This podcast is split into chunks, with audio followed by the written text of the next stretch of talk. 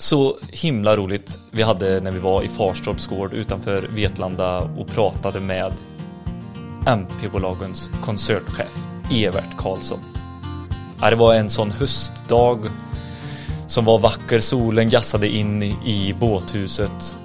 Ja, det var ett jätteroligt möte vi hade. Vad tycker du Peter? Jag tycker ju framförallt att MP-bolagen som tidigare har varit någon en, en ganska enkel leverantör för mig när trådstegar och kabelstegar har, har representerat dem blev helt plötsligt någonting helt annat efter det samtalet med, med Evert. Ja, jag håller med dig. Hela personifieringen som vi fick med ja. under det här samtalet, det hoppas vi att det kan lysa igenom till er som lyssnar också.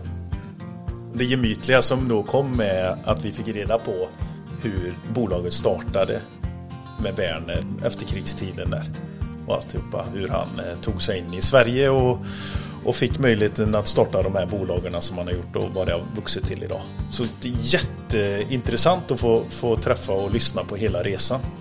Hoppas att ni njuter lika mycket som vi njöt av detta. Håll till godo!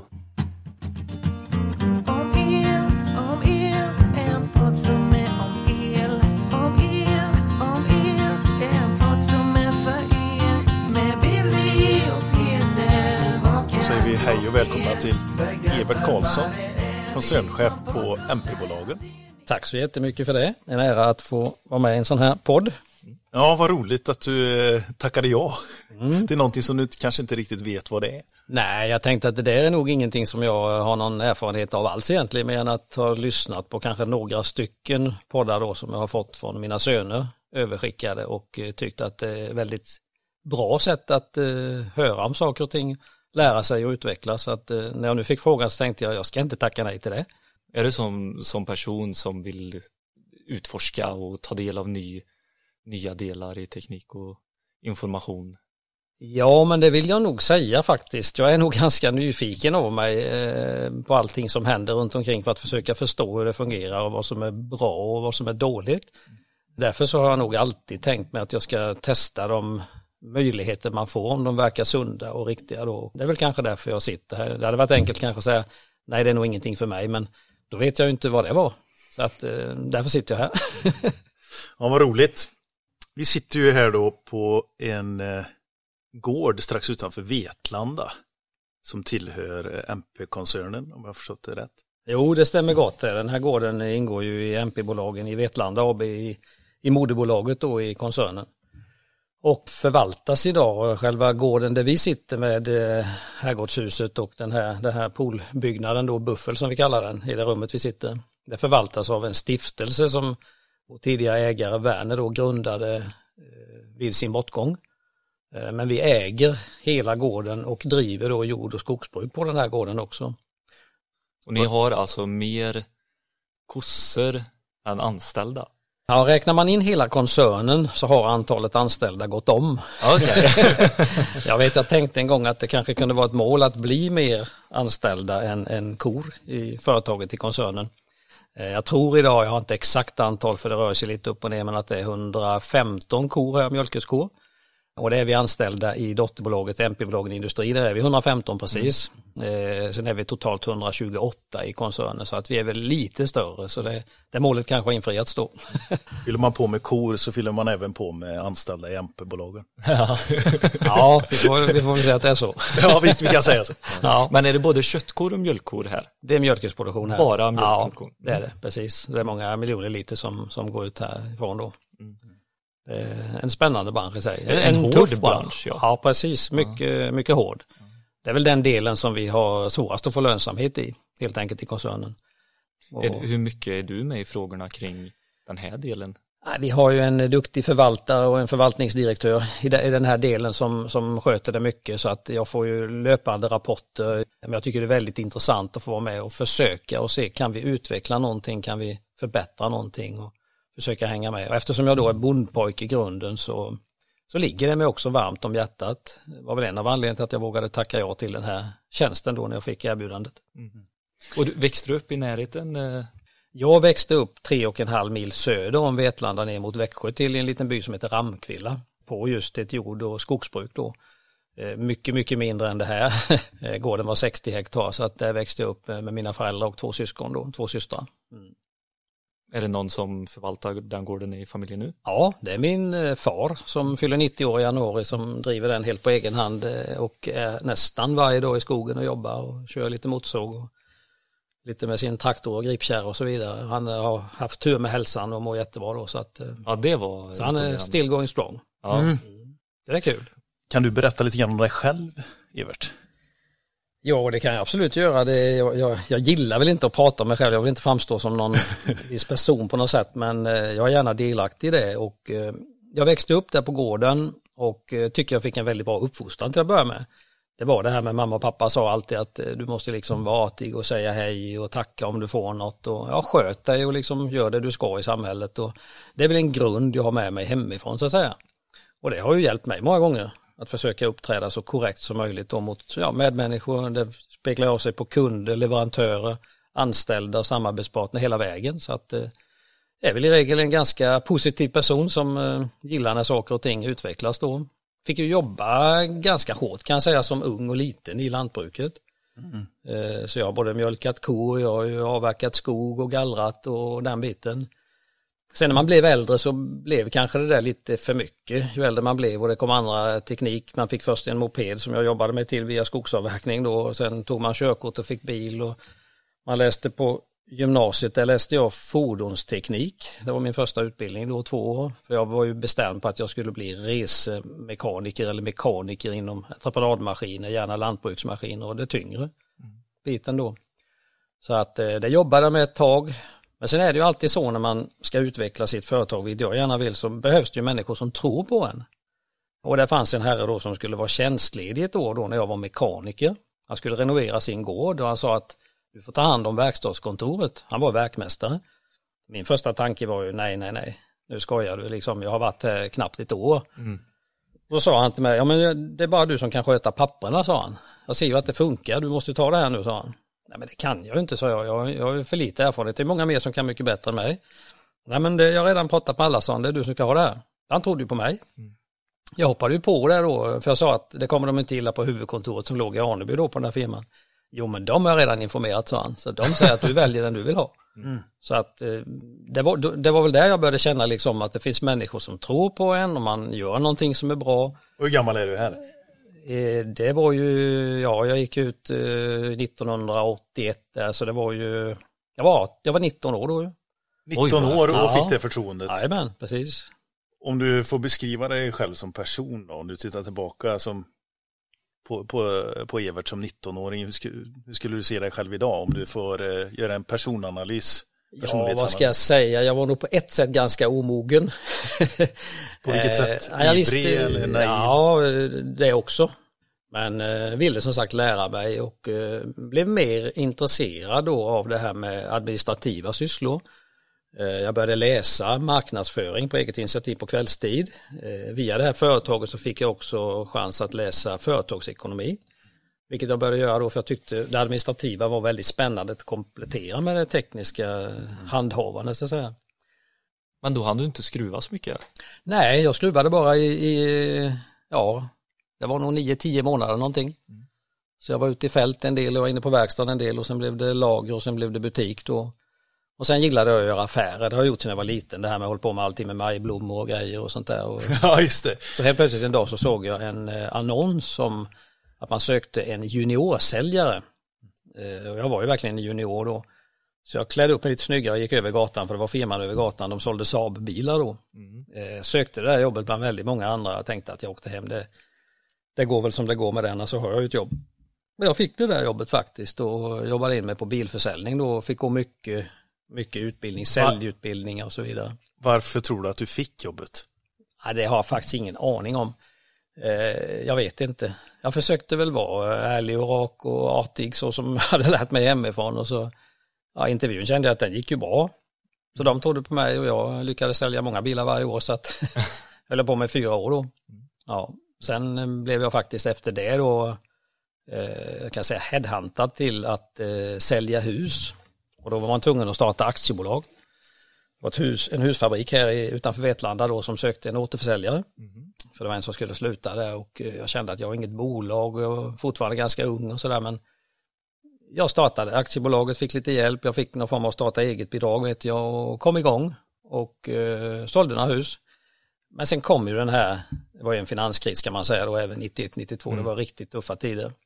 Jag sålde många hus och det var lite, ska jag säga, jobbigt att se hur man kunde sälja men att det du hade sålt det kunde inte finansieras då av banken. För kunderna fick inte lån helt enkelt. Så att eh, till slut blev det så tufft så jag, jag sa upp det där avtalet och, och slutade då. Strax över 30 här då någonstans eller? Eh, där kan man säga att jag eh, slutade 1992 då ja, så det var ju ja. 29 år. Ja. Så du, du slutade alltså på grund av att du kände att du gjorde en otjänst till dina kunder? Nej, egentligen inte så, utan jag, jag, jag sålde huset till dem, men vi skulle göra avrop och, man, och de kom till banken så var det nej då. Så att det blev liksom så, så pass svårt stoppa. att genomföra affären. Mm. Så jag kände att det måste finnas annat man kan, kan pyssla med då. Mm. Eh, och så hade jag mitt bolag, jag stod där egentligen utan affärsidé, men, men eh, hittade en del andra grejer då. Mm. Och det var väl egentligen kanske första kontakten lite grann med elbranschen då. För då var det ett eh, företag i Vetlanda som hade kommit på patentsökt en Eh, belysningsstolpe, där som man ser ute i parken här då, ett eh, gjutjärnssystem i delar som man byggde upp med en, eh, enkelt beskrivet med en gängstång i mitten och en justerbarhet på en, en sfär som det heter då så att om stolpen blev påkörd av någonting så och den vek sig så kunde man åka dit från kommunen och rätta till den och skruva fast den igen då. Så jag sålde, ja det var ju pollare och staket, belysningsstolp. Så de där stolparna står faktiskt kvar än vid strandpromenaden i Vadstena, vad ska vi säga, jag sålde med Växjö, Stortorget, Nässjö och så vidare. Så att, eh, men sen, sen kom det där då att eh, det var lite tufft och då krävdes det mer marknadsföringsinsatser. Jag hade inte så mycket kapital. Jag ville liksom inte stå för allt material och vi diskuterade fram och tillbaka. Och samtidigt som vi var i en diskussion om hur vi skulle gå vidare så eh, fick jag ett erbjudande från ägaren på MP-bolagen då på älgjakten kommer jag ihåg att det var då 1994. Ja, ni träffades på ett eh, ganska lustigt eh, sätt. Ja, det gjorde vi då. Man kan säga att via min hustru då som har, har känt honom hela sitt liv via sina föräldrar och sin pappa där så, så lärde jag känna Werner också från 1984 när vi träffades jag och min fru. Och jag var med där på både kräftfiske och det ena med det andra och framförallt jakten då som drevkarl var jag med. Och eh, då hade jag väl lite tur också för att den kvällen där då som vi skulle ha den här jaktmiddagen så hade en av våra distriktssäljare sagt upp sig och börjat på ett annat företag i elbranschen. Så han stegade bara fram till mig Werner och sa att nu ska du byta bransch, sa han. Han var ganska tydlig när han ville någonting. Ja, det vet jag inte, sa jag. Jag hade en del idéer i huvudet och så. Det, det, det vet jag inte, det, det, får vi se, sa jag. Jo, men det ska du göra, sa han. Och sen sa han inte mycket mer och sen hade han ringt och sökt mig eh, flera gånger ändå. Så jag ringde upp honom då och då var det det att vi måste träffas sa han. Och det gjorde vi och eh, det ledde fram till att han, jag blev anställd då som på MP-bolaget som distriktsansvarig säljare på Sydsverige helt enkelt. Eh, så jag började resa för MP-bolagen då första januari 1995. Och, och, idag sitter jag i den här podden då. Ja, precis. Ja, men det är ju jättehäftigt eh, faktiskt. Eh, otroligt inspirerande resa. Ja. Det matar ju på med nya uppdrag hela tiden. Det är ju ja. skit, jättehäftigt. Ja, men det är kul. Det är kul. Och det är väl det där att man kan utvecklas och tillsammans med ja. andra i, i team skulle jag säga göra någonting bra. Mm. Det är aldrig one man show utan det är ju ett lag som måste funka ihop. Det är precis som i idrotten, i företagsvärlden och i mellan arbetskamrater och så vidare. Man måste hela tiden ha en lagkänsla. Mm. Men precis som den här uh, chefen på Saab, när du sålde Saab-bilar, mm. så såg ju han någonting i dig. Och det måste ju Werner också ha gjort. Kanske. Ja. ja. Hur, uh, hur var er relation? Ja men den var ju bra och sen, sen blev den ju mer och mer när jag kom in och började jobba i MP-bolagen. Då började vi också jobba ihop. Jag jobbade inte nära honom alls de första åren. Eh, inte på ganska länge, men han kom ofta in till mig och satte sig och han kunde vända en stol bak och fram och så sa nu går vi och hämtar en kopp kaffe och så satt man helt plötsligt och jag tänkte liksom varför sitter han här liksom hos mig och lilla jag som är ute och säljer bara. Men han var nyfiken och intresserad av hur allting fungerade ute i fält. Han var väldigt, eh, han blev påläst på så vis att han lyssnade in mycket med människor då. Eh, så att eh, han var intresserad. Har du tagit efter mycket av det själv som när du har gått vidare i karriären? utav, Utav hans, att vara. Ja, eller han, ja, precis, hans sätt att vara. Som, Ja, det har jag gjort. En, en sån personlighet färgar nog en människa som är nära honom eh, väldigt mycket. Han gjorde väldigt många bra saker. Han, han tänkte otroligt långsiktigt. Tänkte på lång sikt. Man behövde inte lyckas första dagen, men man skulle lyckas på sikt då. Och han var ju en, han blev ju också en väldigt, väldigt god vän privat. Vi, vi fortsatte umgås privat och, när vi fick barn och allting så vi träffades runt jultid och runt sommartid och hade lite sommarfester. Och, så han var inte bara någon som eh, jag hade som min högsta chef utan han var en jättegod vän. Eh, faktiskt blev han till familjen så, så att eh, vi hade två typer av relationer. Och ibland när vi var kanske på en middag hos honom och grabbarna var med och så här så kom vi in lite på och då var jag kanske stolt för någon affär vi hade gjort i företaget så jag började berätta om eh, nu har vi gjort den här och det. Nu ska vi inte prata jobb sa han då. Nu ska vi, ha, nu ska vi koppla av och njuta så att han såg två världar och lärde sig liksom att avkoppling är viktigt ibland också. Är det något du har med dig idag också? Ja absolut. Det kan jag nog säga att det har, har färgat mig och det, det följer mig rätt mycket. Han, han har betytt mycket för mig också som förebild kan man ju säga så då. Mm. Men han har betytt mycket för eh, Vetlanda, Absolut. området omkring här. Hur började han? Eh, eller du, du, du, är du en av dem som känner han bäst inom bolaget så eller? hur? Är några stycken. Ja. Ja, han jobbade ju så brett i verksamheten så att vi, vi är flera som eh, känner honom väl. Men vi hade en väldigt bra personlig, privat relation också. Eh, det hade vi. Eh, nej men han har ju betytt jättemycket för Vetlanda och särskilt nu förstår man ju hur smart han tänkte före sin bortgång då. Eh, han gick faktiskt bort här uppe i huset som vi ser nu den 10 maj 2016. Eh, jag var där två dagar innan, eh, dagen innan var där vi satt, jag och min fru och några stycken mer och pratade med honom och han var lugn och liksom tog, han tog ett avsked helt enkelt då. Och då hade han planerat allting och han kände sig lugn, jag är, jag är färdig sa han. Nu får andra, nu får ni ta över. Hela koncernen i princip då. Så att med olika delar och vad det kan innebära. Så vi är ju jättemånga och jag skulle se det som att hela MP-bolagens personalstyrka för det här vidare framåt idag. Eh, Man måste vara många, man måste göra det bra tillsammans. Men för att komma in på det han har betytt för Vetlanda så har han ju startat då en privat stiftelse dit hans, större delen av hans privata tillgångar gick. Så de förvaltar då väldigt stort kapital, jag behöver inte gå in på några summor och så men det finns inskrivet då vad de pengarna ska gå till och de ska gå till idrottsliv och föreningsliv. Det är till eh, kultur i Vetlanda kommun och även till utbildning i Vetlanda kommun.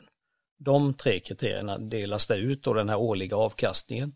Så de ger ut flera miljoner per år till föreningsliv, kultur och utbildning i Vetlanda. Alltså det är ju helt unikt. Ja, det är Det är jättehäftigt. fantastiskt. Och dessutom då så vår ägare idag när han gick bort så hade han ju testamenterat aktierna till en stiftelse även där då. Så vi ägs idag av en stiftelse som bildades vid hans bortgång. Och det är lika intressant det tycker jag för att det vi jobbar för idag då egentligen dels är det ju givetvis att utveckla MP-bolagen och alla dess bolag på bästa sätt. Eh, men samtidigt så går ju en del av våra vinstmedel upp i stiftelsen som har ett enda syfte då, det är att dela ut till tre olika så att säga grenar och den ena är då inom verktygsteknik för industrin som ju är ett ben som vi har i MP-bolagen. Så dit går en hel del eh, pengar för att forska och utbilda i ny verktygsteknik så att Sverige kan bli framgångsrikt som industriland. Inte bara det är fantastiskt, Ja, jag tycker det är helt unikt. helt otroligt. Och sen har vi då även skogsforskningen. Det går pengar till forskning i skogsforskning och utbildning i den biten. Och även där vi sitter och tittar på gården då med jordbruk och mjölkproduktion. Det är de tre enda med målen som, våra, som en del av våra vinstpengar går till. Eh, samtidigt så var han så smart så att den större delen då ska ju gå till återinvesteringar i, i bolaget då för att utveckla MP-bolagen, hela koncernen. Då. Ja, men att ägas av en stiftelse eller drivas av Mm. en stiftelse, stiftelse, vad innebär det rent krasst för dig? Ja, inte så jättestor skillnad. Det, det som är skillnaden är ju att det, det, det kommer ju inte in någon ägare varje dag på kontoret och pekar med hela handen. Eh, Men samtidigt har vi ju stor respekt och vi tycker om att vara ägda av den här stiftelsen. Där sitter kloka människor som, som förstår vad de ska göra och de har ju ett aktivt ägande i, i aktiebolaget och dotterbolagen idag då. Men tror du att det blir en mer långsiktig plan och tanke när man drivs av en stiftelse än ett traditionellt bolag? Jag skulle nog vilja säga så här att vi vet ganska tydligt vad det stod i hur det här skulle fungera och hur det var nedskrivet. Och det står ju då att bolagen, eller bolaget och dess dotterbolag ska arbeta åtskilt stiftelsen. Och det gör vi ju. Sen har de ett aktivt ägaransvar, absolut. Men det gör ju då att jag känner nästan att vi har ett större ansvar kanske idag då för att ägaren kommer som sagt inte in varje dag och, och, och talar om att han har en strategi eller en vision utan det är vi som får lägga upp den här strategin, den här visionen. Vi har just nu jobbat fram en, en vision för, för många, många år framåt inom olika grenar, både skogs, lantbruk, kapitalförvaltning och framförallt industrin också då. Så att eh, det ligger ju på oss i ledningen idag att komma med de här och de två styrelser som finns här. Men kan du inte berätta lite om Werner? Han verkar vara en jätteintressant person. Ja, vi får ta det här från början Ja. med Werner. Ja, Werner vet jag ju, jag har ju fått förmånen att åka ut ibland och har frågat om inte man kan komma och berätta om honom. Så jag har ju haft någon presentation några gånger då om honom och jag vet ju att han föddes ju 1927 i eh, Preussen, nuvarande Kaliningrad då. Eh, sen har man ju inte alla fakta, det tror jag inte han gav heller, men eh, vi vet ju alla vad som hände när andra världskriget kom. Och hela hans eh, föräldragård blev ju rysk krigsbyte då. Så att eh, det, det försvann ju mer eller mindre. Mm. Och vad jag förstod så hade ju pappan och syster och flera och, eh, lämnat den här gården före honom. Eh, Okej, vet så. Werner blev kvar på, på gården. Ja, på gården är inte säkert. Det förtäljer Men de skildes åt. Ja, de skildes åt och eh, hans far hade stuckit till Kanada. Och hans syster också vet jag. Så Werner han var väl sist därifrån på något sätt att ge upp och kom vad det sägs med två tomma händer i, i land i en båt nere i Åhus någonstans om jag har förstått det hela rätt. Och plockades upp av någon lastbilschaufför här och hamnade här uppe i Vetlanda och lärde känna folk i trähusbranschen här. Eh, Och fick följa med dem på något skogsforskningsmöte uppe i Stockholm och ja, sakta men säkert så började han bygga upp sitt liv härifrån. Men han kunde ju ingen svenska då, eller han... Förmodligen inte. Nej, Eh, han, han pratade ganska mycket om det här men eh, jag försökte ställa några frågor ibland till honom men, men han, det var inte alltid han ville svara på det utan han ville berätta från sitt sätt så att han kan ju knappast kunnat någon svenska när han kom hit som jag förstår det utan han, det är ju en bragd att bygga upp eh, från två tomma händer. Han hade ett företag först som han körde ett antal år och som, som han sen la ner och startade upp MP-bolagen då. han landade ju verkligen i, i rätt område för entreprenörskap. Ja, det kan man ju säga att han gjorde. Och sen så har har han väl färgat många också för han var ju en superentreprenör. Ja, och den, den tiden här i, i Smålandsskogarna här, Ja, ja, ja. Oh, ja. Så som det har blomstrat. Ja, jo, men det finns ju många framgångsrika företag här Ja. och han lärde väl känna mycket rätt människor. och Mm. Jag tror han var den stora motorn själv givetvis. Så han visste nog vad han ville. Den tiden i Sverige var väl eh, väldigt bra. Industriell eh, framgång Ja, med tyvärr de världskrigen som har varit. precis. Ja, men det blev det ju. har Det blev ju, utvecklat industrin i Sverige också. ja, det kan man ju säga att det har gjort. Mm. Jajamän. Eh, Och han började ju då med att Eh, jobba inom skogsbranschen naturligtvis. Och han eh, exporterade ju väldigt mycket virke till, han såg ju att Tyskland var sönderbombat eh, och att det skulle byggas upp. Och så såg han ju till att ta vara på spillvirke från sågverken och började bygga upp en verksamhet och exportera järnvägsvagnar då med sådana här, tror det kallas bakar eller sådana här svall, eh, svallarna på det här som behövs för att göra byggskivor då, som man gjorde det i Tyskland. Okej. Så det exporterade han ju mängder, tonvis järnvägsvagn efter järnvägsvagn år efter år då. Och det gick nog väldigt bra har jag förstått. Eh, vad Hade han några anställda här vid det Ja, tillfället? han började bygga upp. Han byggde upp eh, inköpsorganisationer för skogsråvaror och så vidare. Han, han, blev, han blev större och större. Eh, han började bygga kontoret i stan och så vidare. Och, nu kan jag inte alla årtalen i huvudet här men det, är, Nej, ja. det är en enorm utveckling han har gjort. då. Men sen helt plötsligt så började det ta emot det här med, med exporten med järnvägsvagnar. Det blev dyra frakter och behövdes inte lika mycket råvaror så då då hittade han en väg tillbaka så han vände ju export till import. För då hade han insett att det behövs ju liksom råvara för att göra datapapper. Det skrevs ut mer och mer papper på den tiden. Vanliga A4-papper. Det skulle vara fin lövmassaved då. Och det fanns ju lite brist i Sverige på det. Så han hade ju hela tiden tankarna ute på vad, vad kan man göra liksom och vad är reservplanen. Så att här plötsligt så importerade han ju jättemycket lövmassaved då till Sverige, till pappersbruken och så vidare. Så då hade han den benet. Samtidigt kan man säga under de här åren så, så växte ju då det som är MP stålprofiler växte upp lite sakta men säkert som en reservidé han hade, som han faktiskt kallade den. Började med en vinkelprofil som han också importerade och sålde och sen började tillverka själv då tillsammans med ett annat företag. Och sen blev då den här vinkelprofilen, det blev en eh, lådprofil, sen blev det en armaturskena, sen var rännan bredare för kablar, sen kom kabelstegen och sen blev det bara bredare och bredare då. Ja men vad häftigt. Ja, och många år så hade MP-bolagen ingen egen tillverkning. Den första tillverkningslinjen kom in tror jag 1990-91, det var före jag började då. Det... Och MP-bolagen står för ja, idag... metall och plast? Ja, det hette så när det grundades, ja. metall och plast i Vetlanda. Men sen insåg han ju efter många år där att eh, plast var inget bra namn i skogsbranschen. Så att man tog helt enkelt bort det utan det ska bara heta MP-bolagen i Vetlanda AB. Eh, men idag kan man ju faktiskt säga att vi är tillbaka lite där med, med metall och plast för vi har ju eluttag i, som, som är plast i då va. Och vi har fortfarande metallbiten, mm. både stål och aluminium och så vidare. Så att lite är vi tillbaka där men det pratar vi inte så mycket om utan det är MP-bolagen. För, för, att bygga så, eller för att ha en sån entreprenörsanda så måste han ju tro väldigt mycket på människor som man väger in till sig för att vara med och bygga organisationer och ta, ta honom vidare in i olika affärsområden och branscher och sådär. Ja, absolut.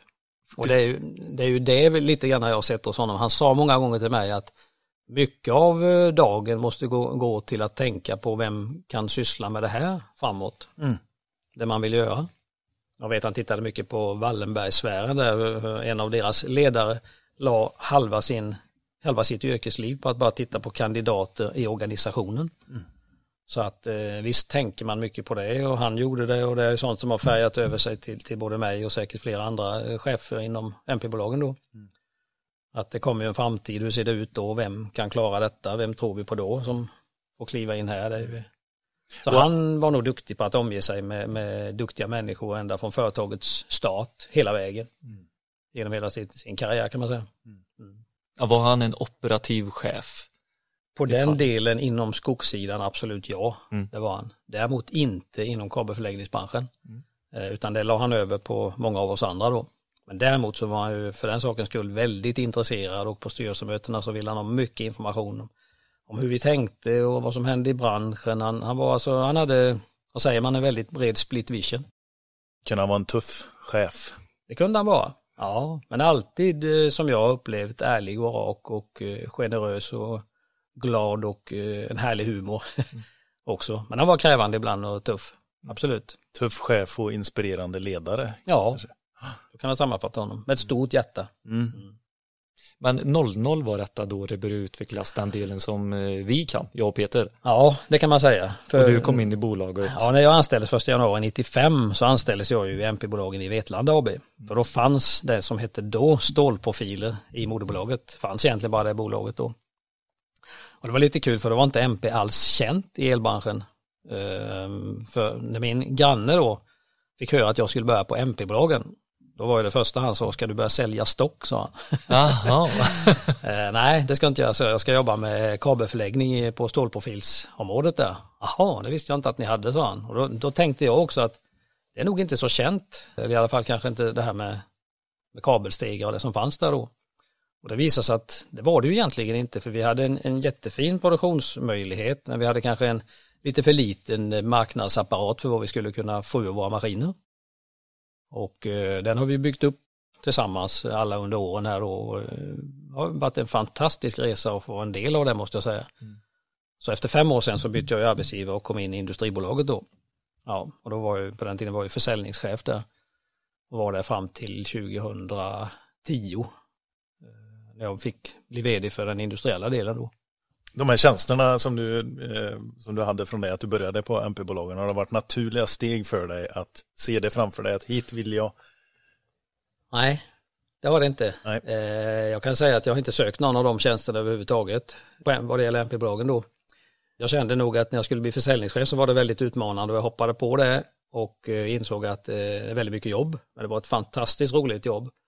Så jag fick frågan tidigare då om jag ville lämna det och bli vd men eh, nej det var inte mogen för.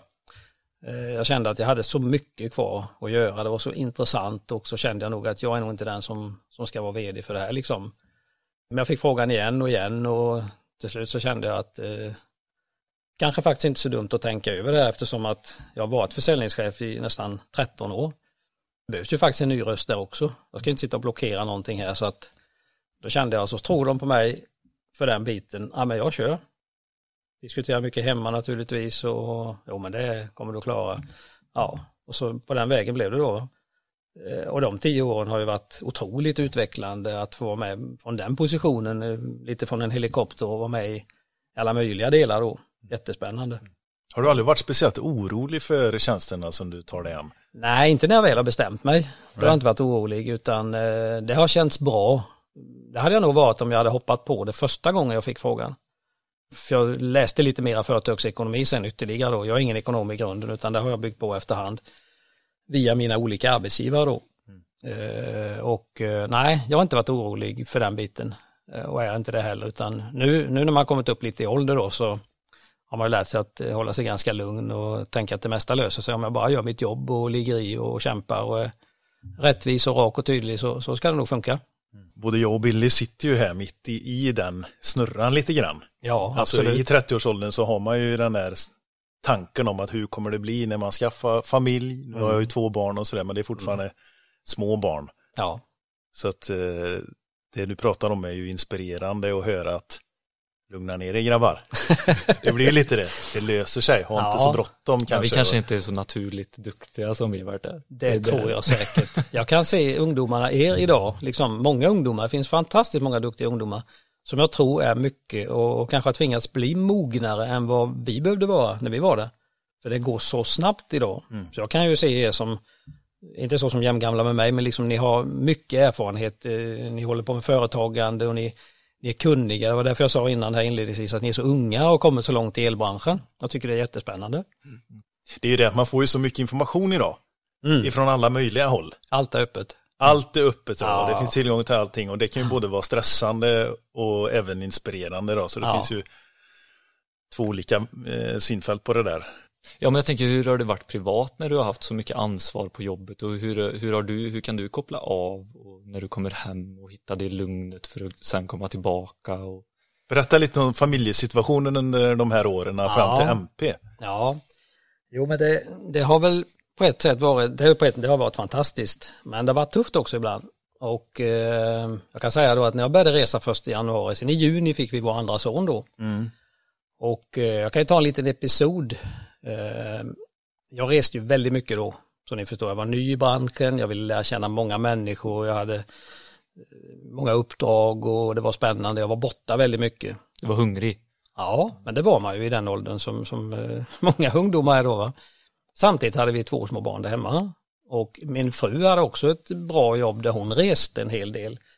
Eh, så att vi fick ha en whiteboardtavla i, vid Groventrén och skriva lite när vi var borta och så här. Och jag kan ta en episod då en gång när jag hade varit borta nästan två veckor på raken faktiskt. Jag hade varit hemma och bytt skjorta kanske då men så kom jag hem, eh, vi hade varit på en, en konferens och jag, vi hade åkt skidor också upp i Sälenfjällen och så kom jag hem tidigt en fredag av en anledning. Så jag ringde till min fru och sa att jag åker till eh, dagis och till förskolan och hämtar grabbarna för jag kom hem tidigt idag. Ja, vad bra, sa hon, jättebra.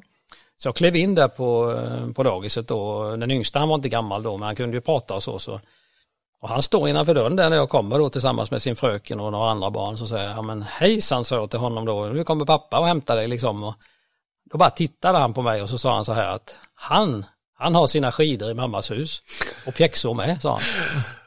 Det där högg tag i. Mm i, i hjärtat då. Och på kvällen sen skulle vi ha lite fredagsmys och då fick inte jag sitta på övervåningen. För jag var ju liksom inte så igenkänd. jag fick sitta i köket och, och de andra barnen och frun där uppe då vid tvn. Och så kom storebrorsan, alltså min äldste pojk då, och sa till mig att eh, ja men du får förstå pappa att han tycker nog det är lite otäckt att du kommer upp där för du, du är ju inte hemma så mycket, sa han då. Men jag kan sitta lite med dig här nere så kan du nog komma upp sen, sa han. Mm. Så att eh, det var ju baksidan då med att vara så att säga resande säljare då. Ja, eh, Men idag så har jag bra kontakt med dem och de känner igen mig. Mm. ja, det, är, det är en stor förändring som har skett också för eh, oss som jobbar som säljare eller det är även ja. på hantverkssidan också att man reser inte lika mycket idag på det sättet. Nej. Och ligger ute de längre perioderna riktigt så. Nej, nej. Men är det inte det som är problemet idag också med den stressen att vi ska vara duktiga säljare och resa mycket Mm. Men vi ska vara minst lika bra familjefädrar, Precis. mödrar. Ja. Och Det tär ju på en alltså. Man är ju Man vill ju vara 100 procent Mm. både hemma och på jobbet. Jajamän. Och det slits man emellan. Ja. Och det tror jag är mycket av den psykiska ohälsan Det kan som det många vara. sliter med idag. Ja, men jag tror det. Ja. Men, och, och där tänker jag, där har du säkert jättemycket tips hur, hur du har tänkt eller hur du har utvecklat eh, en jag, jag till exempel, jag, jag som gillar att jaga, det är ju du med, det är ju min lite frizon att komma ut, Mm. det är tyst, det är lite kallt, Precis. man har sin kopp kaffe, det är suset, det, det är så 100% där och då. Och där släpper mycket för mig. Och så glömmer man den jobbiga veckan eller det tuffa som har varit. Just Där har jag hittat min frizon att komma ut. Jag är ju drevkarl då så jag är genomsvett på jakten. Ja. Nej, men jag tror det är viktigt som du säger att ha en ventil Eh, på något sätt när man jobbar hårt och eh, komma hem till eh, dels hustrun då som är glad och pigg och sen att man har något intresse, att man har varsitt intresse utöver det då. För min del så tränar jag gärna, försöker hålla igång och hålla mig så ungdomlig som man kan i den här åldern då. Spelar lite veteranhockey och ja, cyklar och inlines och massa olika grejer så att man försöker må bra och ha en bra hälsa då. Va? Det är en ventil för mig när jag känner att jag, jag ger min kropp en, en ärlig chans liksom att få må bra. Jag tror det är jätteviktigt. Gärna med hinner hjälpa min farsa lite grann i skogen med motorsågen, ta ner några större träd och det blir ventiler lite här och var faktiskt då. Hur, att- hur, är, men hur, hur tar du hand om relationen då, hemma? Med, med frun? Ja, det är väl hon som har fått ta många, många smällar genom åren då eh, och dra det tyngsta lasset hemma då. Mm. Men, men nej, det har alltid funkat. Hon, hon är som jag, hon vill utvecklas och hon, hon tänker som så att eh, det måste funka på bådas jobb och det måste funka hemma med barnen och alltihopa. Så jag tror att även det har det varit ett bra eh, teamkänsla, lagarbete, att vi, vi måste hjälpas åt. Och som sagt, hon har ju alltid varit ett fantastiskt bra stöd för mig. Det är bara med att ta med någon sak som jag Mm. eh, kanske skulle... Precis, du kan få ta fram den. Ja, då tog jag med mig ett foto på, på min hustru då. Mm. Eh, så här bara. Eh, och då känner jag Vad ser vi i liksom, bilden? Ser en eh, glad tjej på dryga 50 år då som, som har varit mitt stora stöd i livet. Eh, mamma till våra två pojkar och som eh, alltid stöttat mig. Eh, för det är ju som vi var inne på innan, det är ju liksom det är en tuff resa både med de jobbpositioner som jag har haft. Eh, det har varit borta från hemmet. Eh, det har hon dragit, tyngsta lasset eh, och inte bara det att hon har städat mer än mig utan eh, hon har ju fått vara ett stöd liksom och ett bollplank i, i min utveckling så då så att eh, ja, det, det betyder mycket för mig. Och där är ju någonting idag som också är ett skifte, att ja, fler och fler går isär och sådär. Och Ja. det, det blir, en, blir en kamp om eh, Mm, vems resa är viktigast lite grann tror jag. När man precis. ska hinna med så mycket. Ja. Så det är imponerande, bra jobbat. Ja, ja, verkligen. fast det, ja, jag tror att det, det, man måste vara två då som funkar som kanske har lite samma inställning och, Mm. och vilja då. Ja, Skapa en förståelse för ja varandra. på något sätt så då. Vad, vad jobbar din fru med? Hon jobbar som inköpschef idag på ett företag då. Så att, eh, och då var hon, hon var regionchef för för ett företag hon reste på säljsidan ganska Okej. mycket då med så att eh, jag hade en hel del hjälp av svärmor kan jag säga som fick ta med sig kudden och vara Ja, jag förstår det. ja, Ja. Ja, men då har ni en sån förståelse och insyn i varandras ja det har vi. jobbvardag också Jajamensan. som har Ja. hjälpt er. Helt klart. Ja. När, när ni kommer hem eh, på kvällarna sådär, vad, hur ser det ut då? Oj, vi är privat här.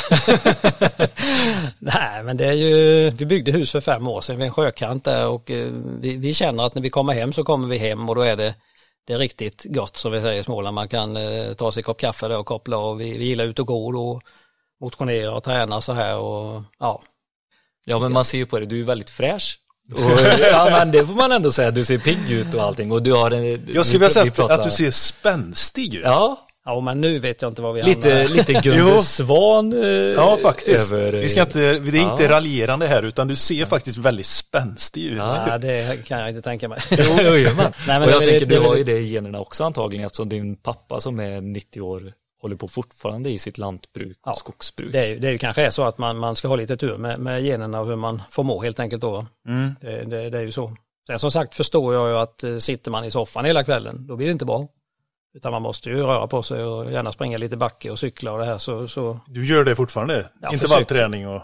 Ja, lite grann. Ja. Är det någonting du försöker ta med i företagskulturen?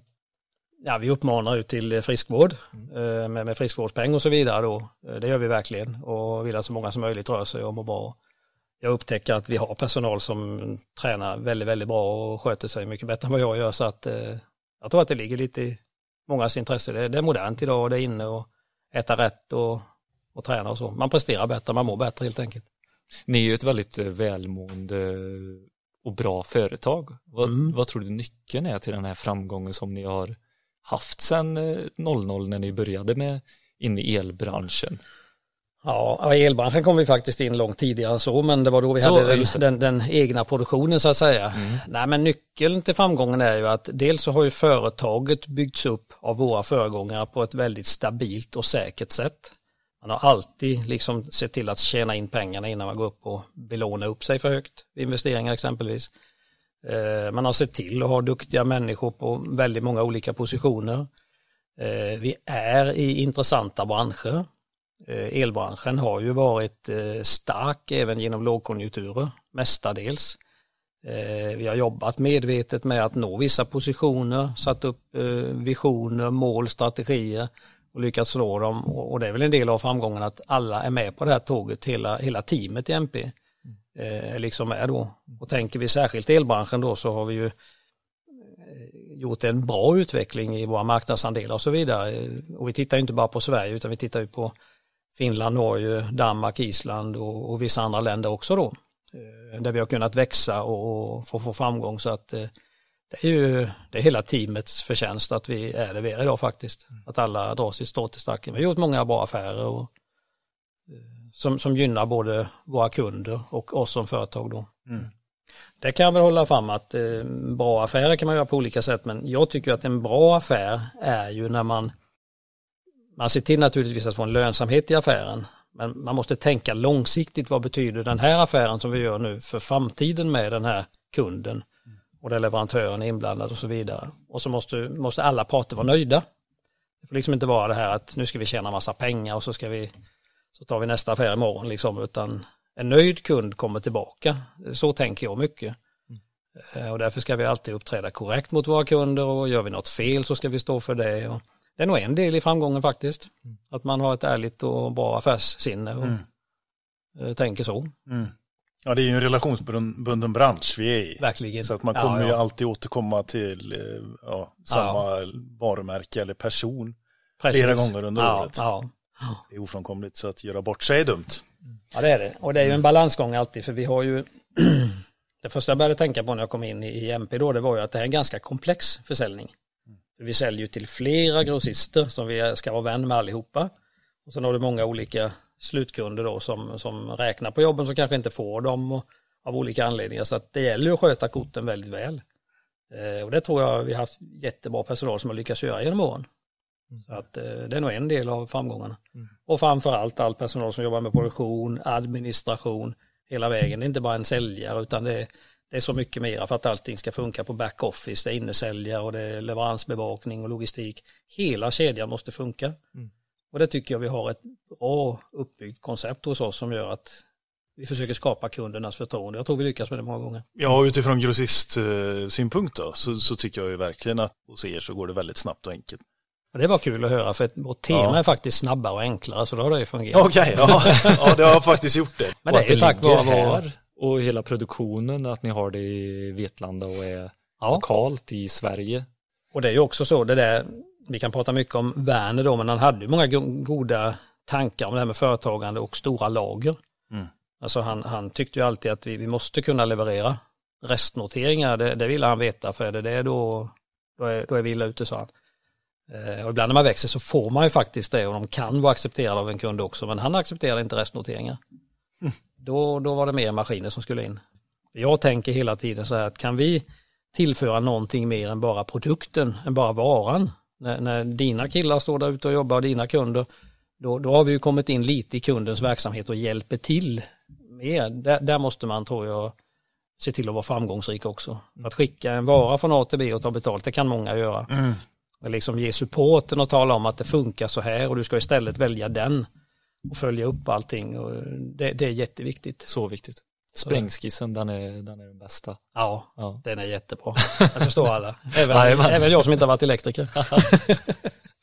Men vad, ser du några fördelar att ni ligger här i Vetlanda eller är det bara att Werner har byggt upp det här och har skrivit in att här ska det vara? Eller finns det en Nej men tittar man på Vetlanda, om du sätter en passare här och drar ut den lite grann runt omkring så når du ju faktiskt både, eh, nu pratar jag kanske för mycket storstadsregioner då, men du når ju Stockholm, Helsingfors, Oslo, Köpenhamn ganska vettigt från Vetlanda. Så vi, vi har ett gyllene läge tycker jag här eh, för att få ut våra produkter till den skandinaviska marknaden. Eh, Och sen då via grossister som är jätteduktiga allihopa på logistik så ser vi till att finnas på alla centrallager så att vi kan nå de här lite mera mindre orterna som ligger långt ut. För även där är det viktigt att våra varor kommer fram i rätt tid och på rätt plats då. Mm. Så att, men jag tycker som svar på den frågan att eh, Vetlanda ligger eh, riktigt bra till. Det måste ändå vara så att det här klustret som är här nere i, i Småland av tillverkande industrier. Hade det inte funkat lo med logistiken så hade det ju inte varit Nej, kvar här. Nej men så är det ju säkert. Det är Ja, många bolag i våran bransch som ligger här runt omkring. ja det är det. Ja. Ja. Det, det ligger många här runt omkring, duktiga företag i elbranschen. Så Ja, att, eh, verkligen. Ja. Nu, nu vet vi hur duktig du är Evert. Nej. Nu skulle jag vilja veta när du inte var speciellt duktig och gjorde din sämsta affär. Ja, då. Får jag svara lite annorlunda på den frågan? Det får du jättegärna. Den sämsta affären det är nog den man, man kanske inte riktigt var på topp alltid av någon anledning i, i sin, sin säljroll så att säga och att man inte gjorde riktigt allt det där som behövdes för att knyta ihop den och att man tappade den för företagets räkning. Det är nog egentligen eh, kanske en sämre säljinsats då. Det har vi ju säkert alla gjort någon gång och det har jag gjort också. Så du har inte, eh, ingen sån stor förlustaffär som eh, skapade oro i produktionen eller? Nej, inte, inte, den finns ju säkert där men det är ingenting jag kommer på ärligt talat just nu som eh, Ja, och så säger vi så här nu, som säljare då, eh, så vet jag ju också hur det är att vakna upp en dag med dålig självkänsla och dåligt självförtroende. mm. Där har du hamnat någon gång. Vad gör du för att ta dig upp därifrån? Jag försöker nog lyssna på, ehm, på många andra runt omkring som, som, som inte tar det lika hårt då. Eh, Som tänker att det kommer ju fler affärer. Och så börjar jag tänka att det har de ju faktiskt rätt i. Eh, nu har vi tappat den här och mm, det var inte så bra. Jag, jag, jag borde gjort något mera liksom. Eller jag missade den personen i kedjan och så här så, så deppar man ner sig lite grann. Men sen tänker man på, ja vi hittar väl något nytt. Jag försöker tänka framåt då hela tiden och lyssna på omgivningen. Så ofta har man ju en stöttande omgivning då, både företaget och så vidare, att det kommer mer affärer. Och på den nivån ville vi ändå inte vara med kan man höra. Så till slut så, det tar ju en stund innan man repar sig naturligtvis. Precis. Men, men till slut så kommer man på att nu satsar vi istället framåt. Mm. Och försöker glömma den där. Så glömmer man kanske den aldrig riktigt men Nej, Nej. Eh, så är det ju. ja. Jag, jag upplever ju det att det, det är ganska många som tampas med det där. Man Ja. inte riktigt vet hur man ska ta sig ur det, men en känsla är en känsla och den är inte bestämd utan den är, den Ja. är för tillfället bara. ja men det är den ju. Ja. Ja.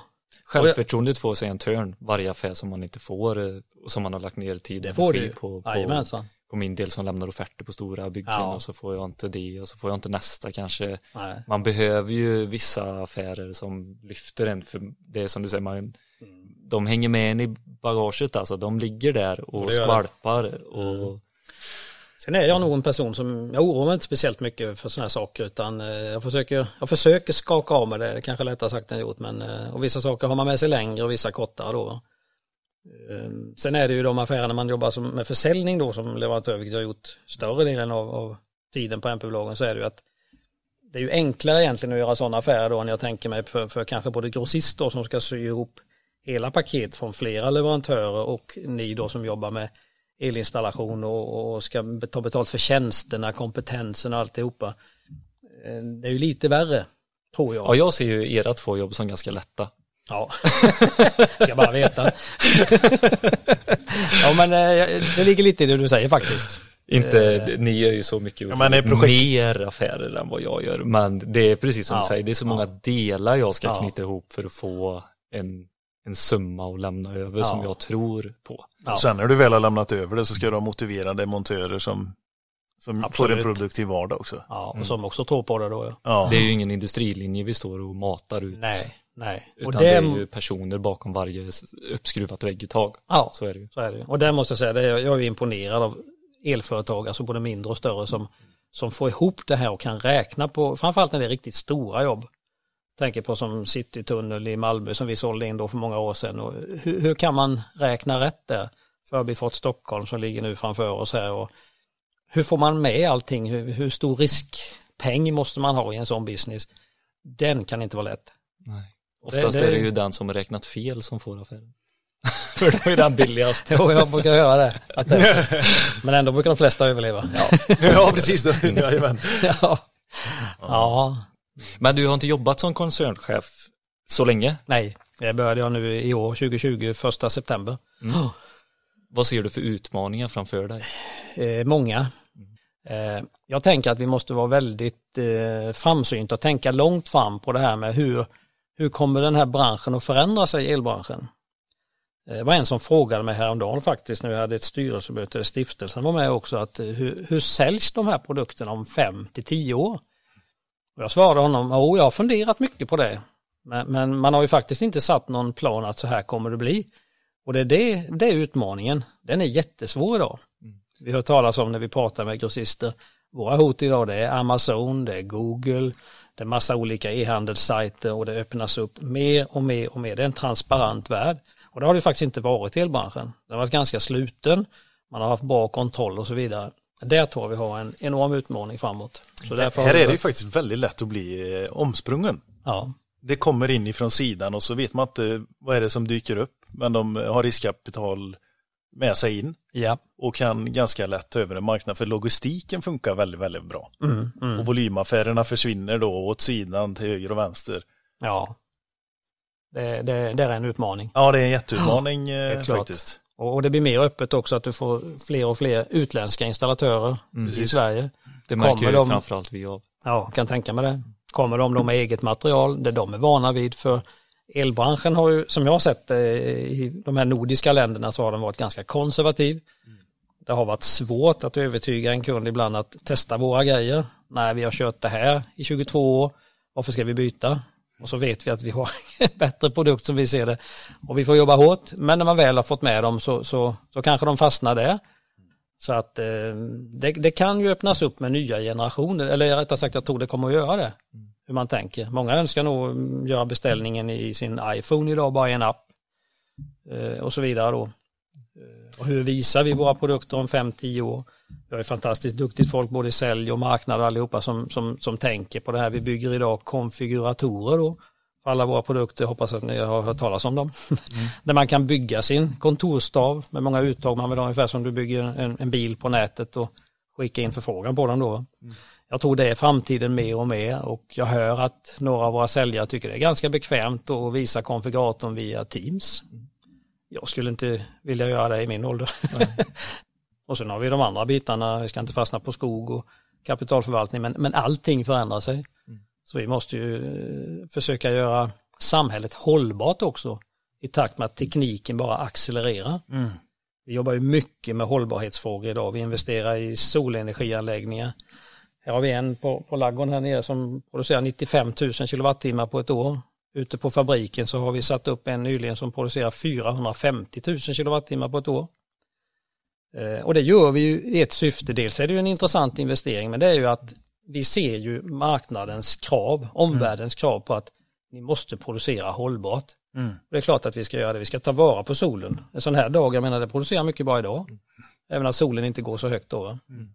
Och då minskar vi behovet av fossildriften så att säga i, i, omvärlden. Så vi, vi, får ju tänka på Moder Jord och samtidigt ska det accelerera tekniskt då. Kanske lite svårt att få det att gå ihop alla gånger men vi måste ligga i framkant där för att mm. vara en bra leverantör och det är också en utmaning för framtiden då. Mm. Men ser ni några hot eh, utifrån så som eh, armaturtillverkare känner av i Sverige? Nu är det ju många LED-chip och sånt som tillverkas i Kina men har ni några sådana, skulle de göra en bättre produktion i Kina eller är vi väldigt starka på det i Sverige med järn och stål och den produktionen? Eller hur skannar ni av liksom ja. de andra? Vi följer det noggrant. För några år sedan så åkte jag faktiskt runt nere i Europa och såg en del fabriker, eh, konkurrenter till oss. Mm. Eh, lyckades komma in där av olika anledningar och jag såg då att vi låg ganska långt framme faktiskt. Vi hade en eh, bra automation i vår produktionslinje och, vi vill ju bygga den. En av våra visioner är att ha den bästa fabriken i hela Europa för kabelförläggning. När vi är inne på den biten då. Mm. Och jag, jag tror att det är svårt för ett företag i Kina att exportera eh, den typen av varor som vi jobbar med. Ibland pratar vi 6 meters, 3 meters. Att få in det logistiskt med rätt kostnad till svensk, finsk, norsk och dansk marknad och så vidare. Det är ju i förhållande ganska liten marknad för deras del också. Ja det är det. Ja, det är det. Även om det är mycket pengar här så Så är det måste vi en, vara på armatursidan också men ändå vill de ta en del. Ja, chippen är ju ändå den samma Ja, som du men- tillverkar. Mm, så är det, men jag tänker de eh, produkterna som kommer in mer och mer där man säljer en färdig produkt direkt. Ja, jo det, det finns ju absolut. Mm. Ehm, ja, Ja, jag det är vet lättare inte. med logistiken tror jag om du kan skicka pallgods eller containergods. Ja, jag tror det är nog mer det här att det blir, Ja, eh, ja. alltså kostnaden för logistik liksom Mm. äter upp. Vi hade ju, jag kan ta ett exempel, vi Ja. hade en eh, rätt stor exportaffär med Ericsson Radio Base System då. Sådana sajter för telekomuppbyggnad. Mm. Den var ganska stor för oss om vi går många år tillbaka. Idag är den eh, väldigt liten och vi har ersatt den med andra exportvolymer. Eh, Men då kom det ett krav på att vi, när vi skickade mycket till Kina då, så blev det politiskt beslut i Kina att det måste köpas inhemskt. Får inte importera det här längre. Så vi fick faktiskt frågan om vi ville starta en fabrik i Kina. För det var en stor del för oss av vår omsättning då på kabelförläggning som gick där. Mm. Ehm, och jag var inte själv där men två andra från företaget var där och tittade på marknaden lite grann och besökte fabriker och så vidare. Men, men vi kände, och ägaren var inblandad i den här diskussionen också, vi kände att vi är lite korta i rocken för att dra igång en fabrik i Kina för då ska man ha folk där som man litar på eh, extremt mycket kostnader. Så vi, vi valde att avstå det och då, då vet jag vi diskuterade mycket, vad händer nu då när de börjar tillverka motsvarande produkt? För de kopierade faktiskt våran produkt nästan rakt upp och ner. Mm. Fast de fick inte stansa MP i kabelstegen då. Eh, Vad händer om de börjar dra sig mot Sverige där de vet att den här kommer ifrån? Eh, Men vi har inte sett dem ännu och det här var ju många år sedan, det var någon gång runt millennieskiftet där. Eh, Däremot har vi sett de produkterna, exakt likadana kopior på våra produkter på någon sajt, på någon exportobjekt som vi har besökt då, som inte vi har tillverkat. Men det är helt enkelt för mycket luft att skicka så långt. Det är för skrymmande leverans tror jag. Eh, Och sen tror jag så länge vi har ett väldigt bra samarbete med grossistvärlden i Sverige, att vi, vi ger dem vad som behövs för att distribuera ut det till alla inom slutledet då, då, då är det svårt för någon utifrån att komma in också. Och vi har nog jättesvårt att ge oss in i, i Ryssland och Frankrike och så vidare. Vi, vi har inte de ambitionerna utan vi vill göra det mycket bättre där vi finns uppe i Norden här. Ja, för ni har en del export nu. Men Ja. då är det Norden som är Det är det. det, är det. Vi, vi, våra största exportländer är Norge, Finland, Danmark, Island och Baltikum då. Okej. Mm. Så är det. Ja, men det Sen har vi ju eh, fördelen för eran del med tillverkning i Sverige är ju att det är ett gott förtroende till eh, svenska bolag och tillverkande bolag bland montörer och installationsfirmor och sådär. Mm. Så det är väl eh, en del i varför konkurrensen utifrån kanske inte får fäste riktigt. Nej, det kan vara så också ja. Ja, Ja, det är säkert rätt. Ja, det är kul. Jag, jag tänkte på det, ni var ju väldigt eh, snabba och låg med på solcellinstallationer när det Mm. kom. Då var ni snabba på att ta fram en produktkatalog och så för det. Ja, Det, det tyckte jag var väldigt kul och lätt, eh, lätt för våran del eh, att- få det i handen. ja just det. Ja. Det tyckte jag var väldigt kul att se det att ni med. ja, och det är nog så. Dels har vi en duktig marknadsorganisation Mm. och sen är det ju så att vi tänker ju det hållbara. Varenda dag tänker vi på det och vi var väl ganska tidigt uppe på att sätta upp första anläggningen. Och givetvis har vi alla varit uppe och sprungit på taket och sett hur mycket trådsteg exempelvis som det går åt där. Så därför gjorde man ju naturligtvis den här broschyren då att eh, kunna visa hur gör vi det här enklast för våran kund. Snabbare och enklare så att vi kan bli en del av den verksamheten då. Så eh, ja, men vi försöker vara på alerten och ta fram det broschyrmaterial och det som behövs. Ja, jag, jag tror mycket på att eh, skapa tillgänglighet där kunden finns. Och då är det bara hur pass mycket eh, kapital du har för, som bolag att kunna investera för att skapa tillgängligheten. Just precis. Och eh, idag är det ju faktiskt, det blir nästan billigare idag att vara ute om man ska förmedla då i det vi sitter idag, information. Mm. Så finns det ganska billiga medel att göra det med. Ja. Bara man väljer att engagera sig och, och eh, sätta sig in i den världen lite grann. Mm, mm. Så eh, att skapa tillgänglighet där kunden finns eh, är nog någonting som, som får florera lite i alla bolag och inte stänga dörren till att nej, eh, elektrikern vill inte gå in på vår hemsida och titta. Nej. Nej, kanske inte de du har pratat med. Nej. Men de tio andra vi snackar med här borta i andra delar av landet Precis. gör det hela tiden. De har som krav att det ska funka när man går in där. Ja. Ja.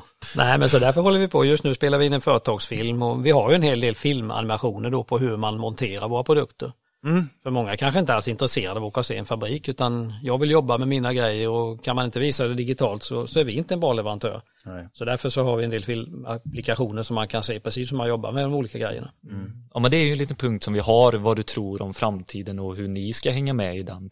En liten Ja. framtidsspaning i vårt yrke och det, det har vi varit inne på och snuddat mycket känns det som också med Ja, era nya, eh, ert nya konfigurationsverktyg. ja precis. Ni kommer eh, komma med mycket filmer. Mm. Är det det du tror branschen Ja, det, det är en mycket viktig bit i, i det hela och det här med hur man marknadsför idag på Instagram och poddar och allting så att man lyckas nå bredden där. Den tror jag är jätteviktig. Nej, så vi måste hitta de rätta sätten och marknadsföra oss på helt enkelt. Det är jätteviktigt och vara väldigt lyhörda för de steg som våra kunder tar. För på något sätt så ska man alltid lyssna på en kund. Både en slutkund som jag kallar installatörerna och på, på en grossist då.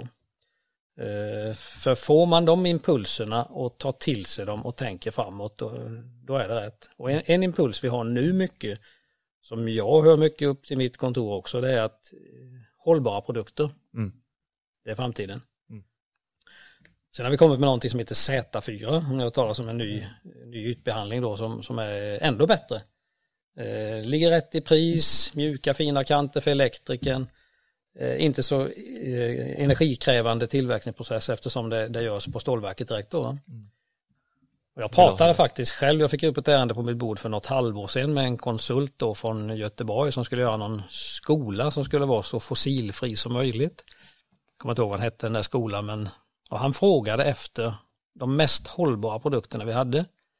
Eh, Och då ringde ju en klocka här liksom, oj, så jag började ju liksom intervjua honom lite också. Vad, hur ser ni på det här framåt? Och, jo men det här är, vi, går ju inte andra utbildningar då än att det handlar om hållbarhet sa han.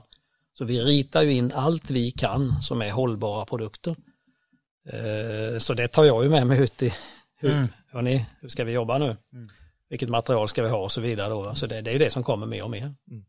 Så att, eh, Ja, ni är ju helt rätt ute i hela koncernen också. Med hur ni Ja, jobbar med skogen och ja, djuren. Och... Ja, jag är ganska övertygad om det. För jag menar, det binder mycket koldioxid i våra skogar. Och vi har också satt en ambition att vi ska ju avverka mindre än tillväxten är då. För att få ett hållbart skogsbruk. Och det ligger ju i, i hela vårt tänk som leverantör till elbranschen att, att vi ska vara långt framme där då. Vad är utmaningarna på jordbruket? Jag eh, vill höra mer om skogen.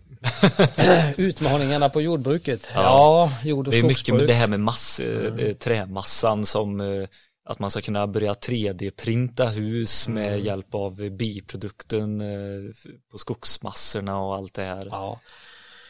Utmaning, om vi börjar med, med skogen där då så tror jag ju att man kommer att bygga mer och mer i trä. Mm. Faktiskt, för det är ett så, så rätt material, den, den eh, framtida råvara som är helt i ropet då. Eh, Så då tror jag det är att försöka få till så bra skogsbestånd som möjligt. Och driva det så effektivt som möjligt, både i form av röjning, gallring och slutavverkning i rätt tid då. Varken för tidigt eller för sent. Eh, och det kan nog vara en nog utmaning i sig då. Och fortsätter vi på, på lantbruket då så är ju den stora nöten skulle jag säga det är ju mjölkpriset från producenten ut till mejeriet. Det är för lågt. Eh, Det funderar jag mycket på hur kan vi göra i framtiden för att få upp det priset. För att det är ganska svårt att skära kostnader i foder och personal. Det är, det är djur och människor vi pratar om. Liksom man, måste, man måste få det att harmoniera då i deras liv och, och i djurens liv framför allt. Eh, Man är ju djurvän eftersom man är bondpojk från början då. Va? Eh, Så det är en utmaning att höja mjölkpriset. Eh, Och slår man ihop skog och lantbruk så, så, så rullar det ju i alla fall. Mm.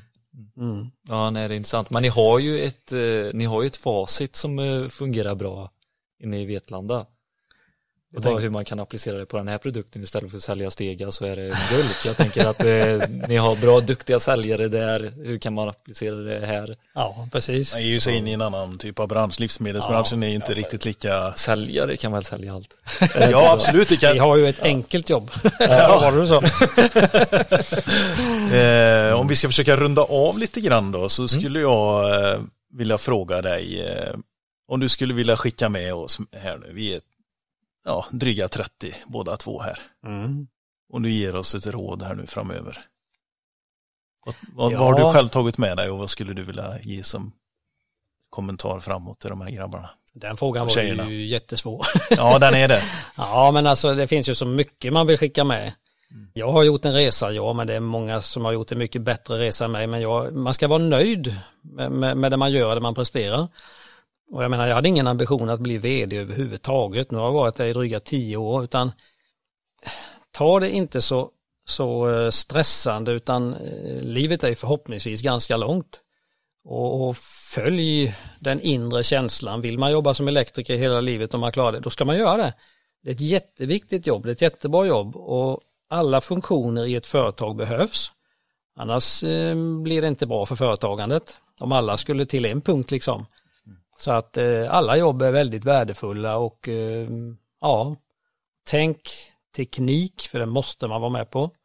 Jag har inga höga utbildningar på något sätt, men, men eh, jag förordar att eh, de, de som vill göra det, de ska göra det. Och lära sig mycket teknik. Vi ser en robotisering, en automationsteknik som jag skulle nästan vilja säga att den kommer att explodera framöver. Så vill ungdomar och alla som är yngre satsa på den biten, satsa på ekonomiskt kunnande. För i allt man gör, både i privatlivet och i företagslivet, så är det mycket ekonomiskt tänk som måste fungera. Eh, och framför allt, man ska ta hand om varandra och sina familjer och de nära och kära. Det, det går ju före allt annat. Och eh, ja, att man ska tro på sig själv helt enkelt. I lagom takt. Ja, men det låter bra Evert. Ja, jag tror inte jag kan skicka med mer än så. Det låter väldigt sunt och grundat i, i både erfarenhet och ja, och vem du är som person. Det känns eh, genuint. Härligt att höra. Jättekul att träffa er också. Ja, det är jättekul. Alltså, jag har lärt mig så mycket om MP-bolagen och vilka det är bakom stegarna som vi beställer. Ja, ja. Jätteroligt alltså att lyssna på hela resan du har gjort också. Och, Ja, ja men det är kul att få vara med. Nu när du har varit med i podden då, skulle du kunna rekommendera den eh, till andra, både lyssnare och gäster? Absolut, helt klart. Podd är någonting som kommer mer och mer. Nu är jag mer och mer övertygad. Ja. Sen vill jag kanske inte höra på det här jag har sagt. det. Hoppas att någon vill göra det. det är jag helt övertygad om. Ja, Billy, vad säger du? Har det varit ett givande samtal? Ja, jätte, jag skulle kunna sitta och prata en timme till känns det som. Men eh, det är jättekul. Det är så intressant. Ja, nej men jag och Billy, vi tackar för oss. Mm. Och eh, så går ni in och lyssnar på nästkommande avsnitt. Jajamän. Ja. Ha det så gott så länge så hörs vi. Hej.